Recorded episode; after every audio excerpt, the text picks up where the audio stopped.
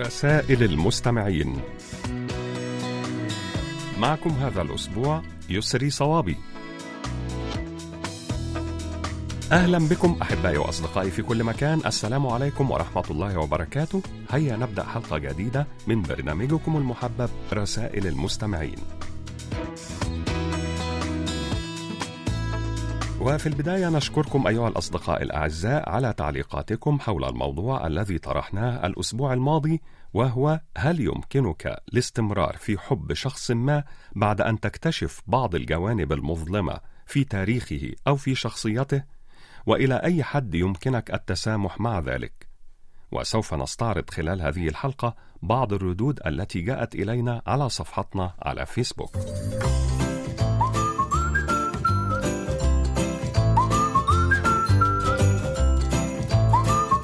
اكتبوا لنا أيها الأصدقاء على صفحة القسم العربي على فيسبوك وأيضا إذا كان لديكم مقترحات بأفكار ترغبون في مناقشتها عبر البرنامج أرجو منكم إرسالها إلى بريد القسم العربي أو إلى ركن رسائل المستمعين.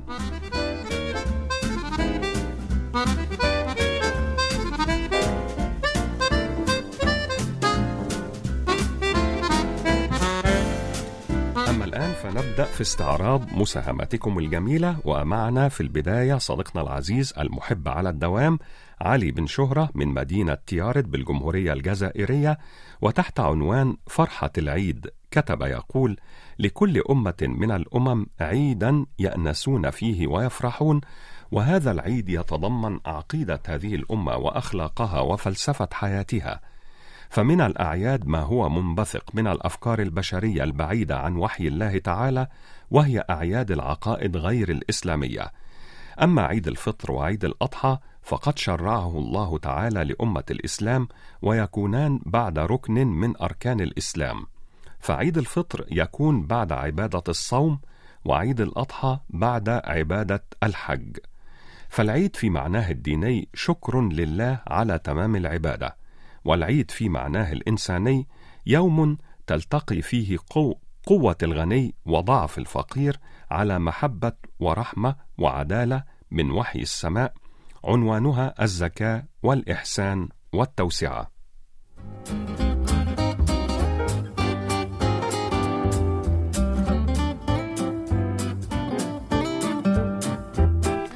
وتحت عنوان علموا أولادكم الأدب كتب إلينا صديقنا العزيز عبد الرحيم آية العواد من تارودانت بالمملكة المغربية يقول: حينما تولى الحجاج شؤون العراق أمر صاحب حراسته أن يطوف بالليل فمن وجده بعد العشاء ضرب عنقه فطاف ليلة فوجد ثلاثة صبيان يتمايلون وعليهم أثر الشراب فأحاط بهم وقال لهم من أنتم حتى خالفتم الأمير؟ فقال الأول أنا ابن من دانت له الرقاب ما بين مخزومها وهاشمها تأتي إليه الرقاب صاغرة يأخذ من مالها ومن دمها فأمسك عن قتله وقال لعله من أقارب أمير المؤمنين. وقال الثاني أنا ابن الذي لا ينزل الدهر قدره وإن نزلت يوما فسوف تعود. ترى الناس أفواجا إلى ضوء ناره فمنهم قيام حولها وقعود فأمسك عن قتله وقال لعله من أشراف العرب. وقال الثالث أنا ابن الذي خاض الصفوف بعزمه وقومها بالسيف حتى استقامت. ركاباه لا تنفك رجلاه منهما إذا الخيل في يوم الكريهة ولت.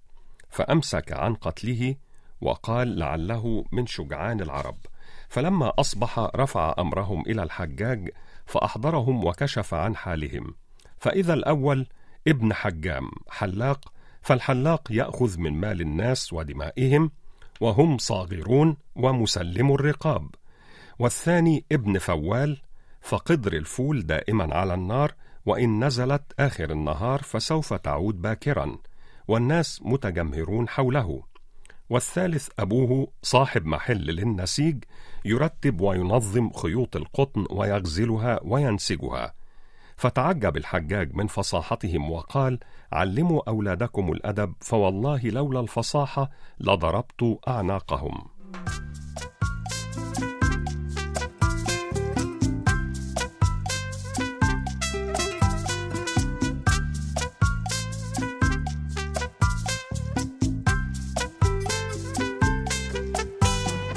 مساهمة أخرى طريفة تحت عنوان الرجل والسيارة من صديقنا العزيز محمد السيد عبد الرحيم عنوانه شارع الشوشة مركز الحسينية الرقم البريدي 44654 محافظة الشرقية جمهورية مصر العربية.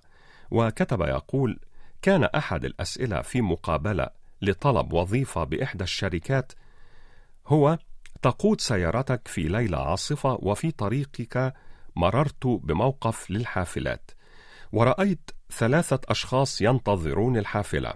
أولا امرأة عجوز توشك على الموت. ثانيا صديق قديم سبق أن أنقذ حياتك. ثالثا شخصية مشهورة تعتبرها قدوتك. وكان لديك متسع في سيارتك لراكب واحد فقط. فأيهم ستقله معك؟ وكان هناك شخص واحد فقط تم ترشيحه لهذه الوظيفة من بين مئتي شخص تقدموا لها. وذلك لإجابته التي لا غبار عليها والتي قال فيها سأعطي مفاتيح السيارة لصديق القديم وأطلب منه توصيل السيدة العجوز إلى المستشفى فيما سأبقى أنا لأنتظر الحافلة بصحبة الرجل القدوة.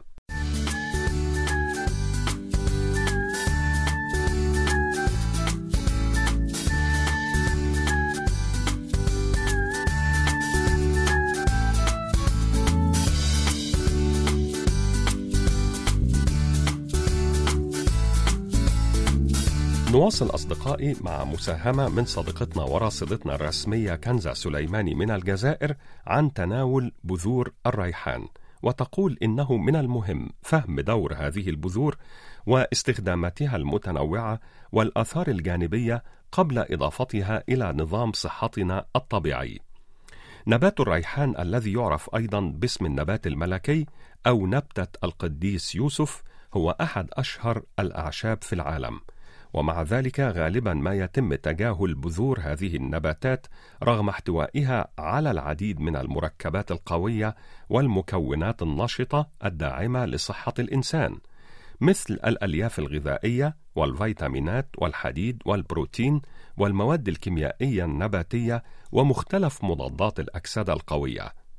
وبذور الريحان سوداء تماما وشكلها يشبه الدمعة.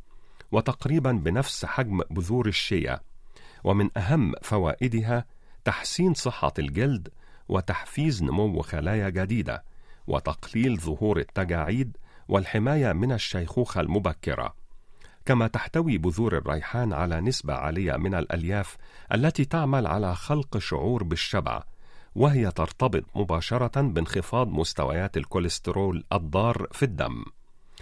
تحتوي أيضا على مجموعة متنوعة من المعادن مثل الحديد والبوتاسيوم والكالسيوم والمنغنيز والمغنيسيوم ورغم هذا العدد من الفوائد الصحية إلا أنه يستحسن تجنب تناولها بالنسبة للنساء الحوامل نظرا لتأثيرها المحتمل على مستويات هرمون الأستروجين وأيضا للأشخاص الذين يعانون من مشاكل في الغدة الدرقية.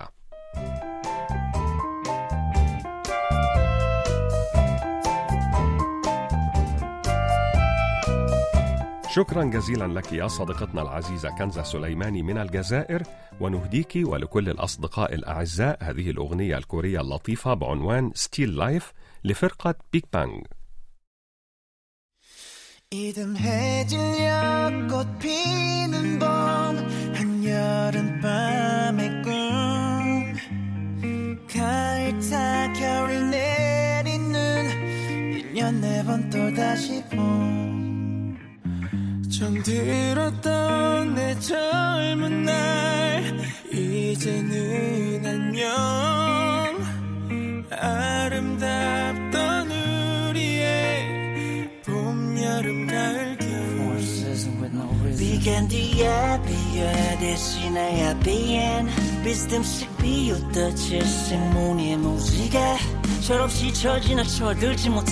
철부지에 철그러지 오래. 멋지 비발디 차이콥스키 오늘의 세계로 맞이해 마침내 마침내 시몬네. 저 하늘만 바라보고서 사기절 잘 지내고 있어. Goodbye. 떠난 사람 또 나타난 사람 머리 위전 세상 나도 내 영감의 아마존 지난 밤에 철만 담고 목숨 바쳐 달려오. 새 출발하는 원목선 변할래 전보다는 더욱더 좋은 사람 더욱더 더 나은 사람 더욱더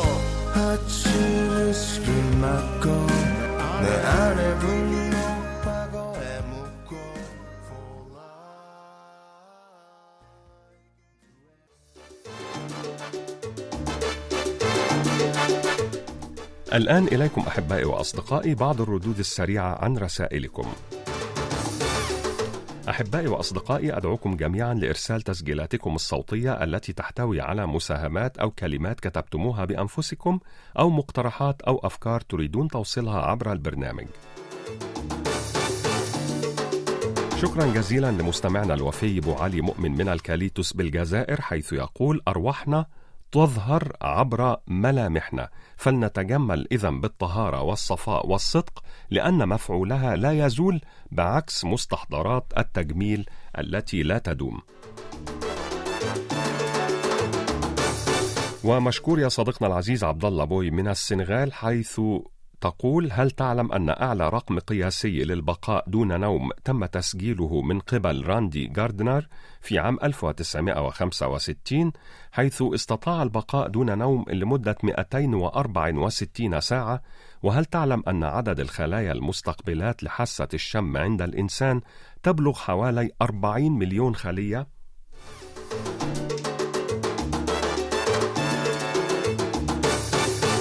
أختنا وصديقتنا العزيزة أوج من العراق بغداد نشكرك على هذه المساهمة حول أسرار وفوائد الرمان.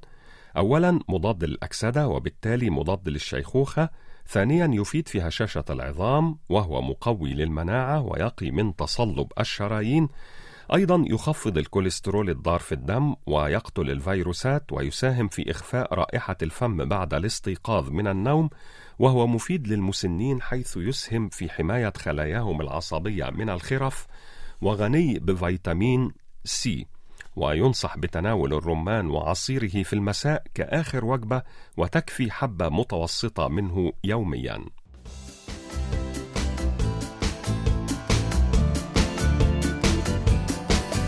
الشكر موصول لصديقنا العزيز المهندس عبد الناصر محمد رشاد كامل من جمهورية مصر العربية الشرقية مدينة العاشر من رمضان بريد المجاورة السادسة صندوق بريد رقم 1006 على هذه الأقوال ولد البخيل محروم وولد المبذر مظلوم أولى الناس بالنوال أزهدهم في السؤال. الجمال الوقور لدى المرأة يتجسد في ابتسامة بسيطة وهذا هو أقرب طريق إلى قلب الرجل.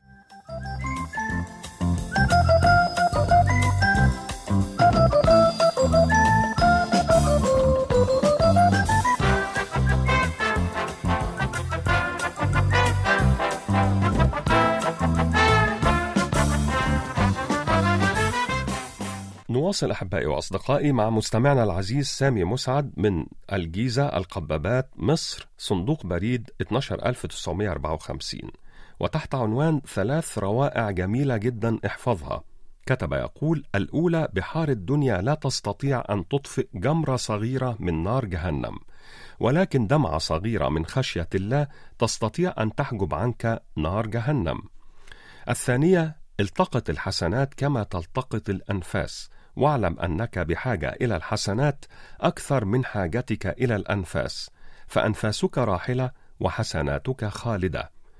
ثالثا السعيد في هذه الدنيا من رضي بقضاء الله والفائز هو الذي إذا توقفت أنفاسه لم تتوقف حسناته.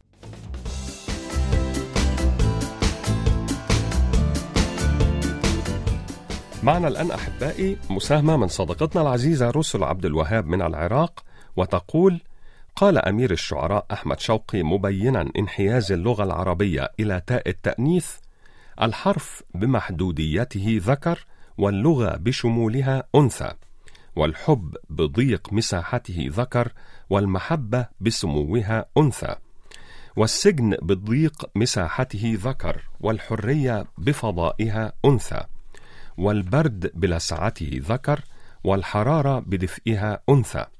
والجهل بكل خيباته ذكر والمعرفة بعمقها أنثى والفقر بكل معاناته ذكر والرفاهية بدلالها أنثى والجحيم بناره ذكر والجنة بنعيمها أنثى والظلم بوحشيته ذكر والعدالة بميزاتها أنثى والتخلف برجعيته ذكر والحضارة برقيها أنثى. والمرض بذله ذكر والصحة بعافيتها أنثى وأخيرا الموت بحقيقته ذكر والحياة بألوانها أنثى.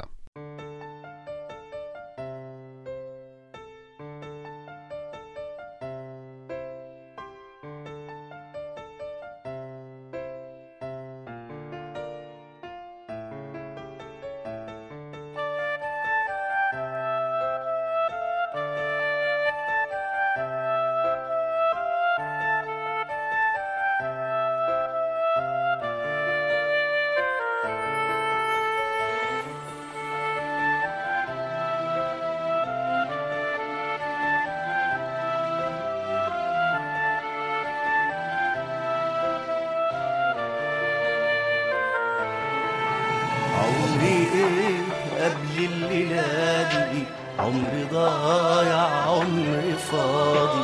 واللي عشته من حياتي ورقة فاضية وألم. واللي كانت روحي فيها كدبتني ليه عينيها فجأة راحت مش لاقيها. زي حلم اتهدم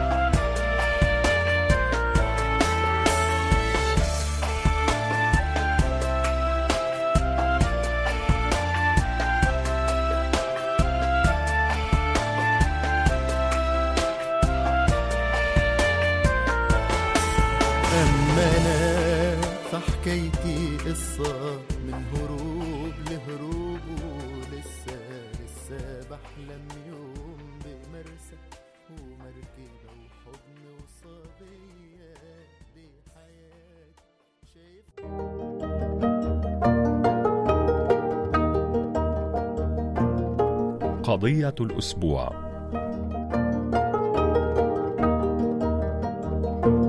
وموضوعنا هذا الأسبوع هو هل يمكن الاستمرار في حب شخص ما بعد اكتشاف جوانب مظلمة في تاريخه أو في شخصيته؟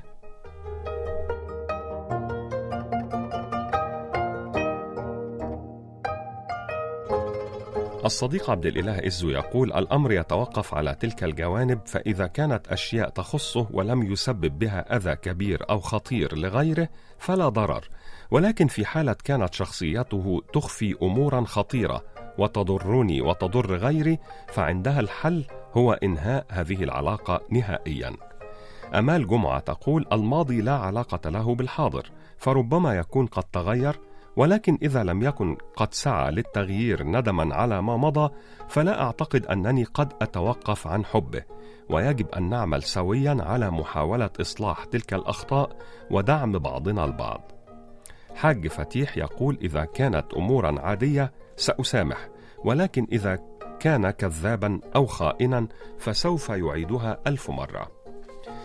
الصديقة إلهام غالم من الجزائر تقول بالنسبة لي لا أهتم بتاتا بالجوانب المظلمة في تاريخ الآخر أو في شخصيته فهذا كله ليس شأني بل ما يهمني هو أن يكن لي الاحترام والتقدير.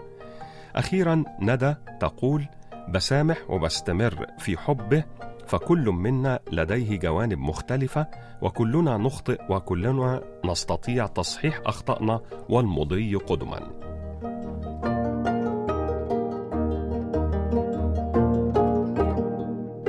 نشكركم أيها الأصدقاء الأعزاء على كل مشاركاتكم القيمة وننتظر منكم المزيد من المشاركات المفيدة والجميلة وسوف نواصل معكم بعد هذا الفاصل.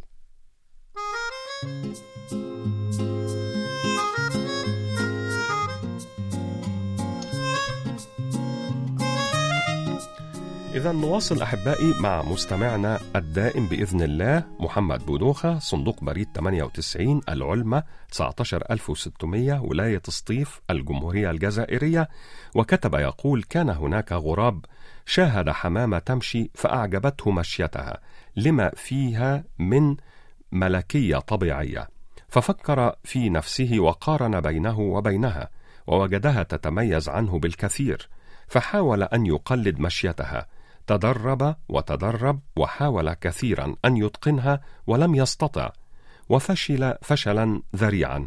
ثم إنه عندما يئس اراد العودة لمشيته القديمة فاكتشف أنه قد نسيها أيضا حيث فقد هويته بالكامل فلم يعد غرابا ولم يصر حمامة.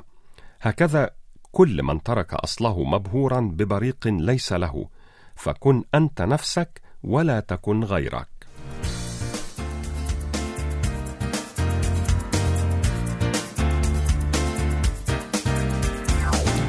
الآن نختتم حلقة هذا الأسبوع أحبائي وأصدقائي مع مساهمة جميلة من مستمعنا العزيز عمر حربيط العوني عنوان صندوق بريد 108 المونستير 5060 الجمهورية التونسية وتحت عنوان النصائح السبع لجلال الدين الرومي كتب يقول كن مثل الماء من أجل الكرم والمساعدة.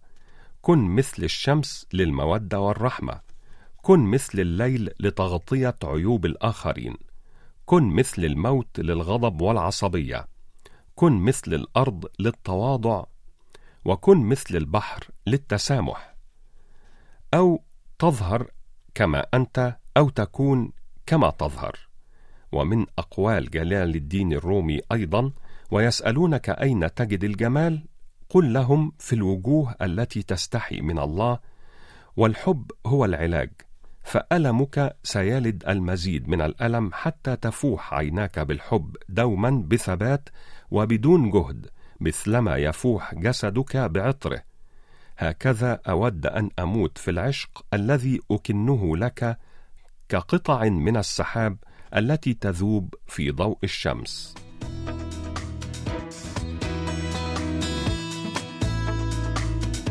هكذا أيها الأحباء نكون قد وصلنا وإياكم إلى ختام حلقة هذا الأسبوع من برنامجكم المحبب رسائل المستمعين. نعدكم أيها الأصدقاء الأعزاء بأن نلتقي بكم في مثل هذا الموعد من الأسبوع القادم إن شاء الله. وحتى ذلك الحين إليكم تحيات مخرجة البرنامج لؤلؤة بيجونغ أوك وهذه تحياتي يسري صوابي.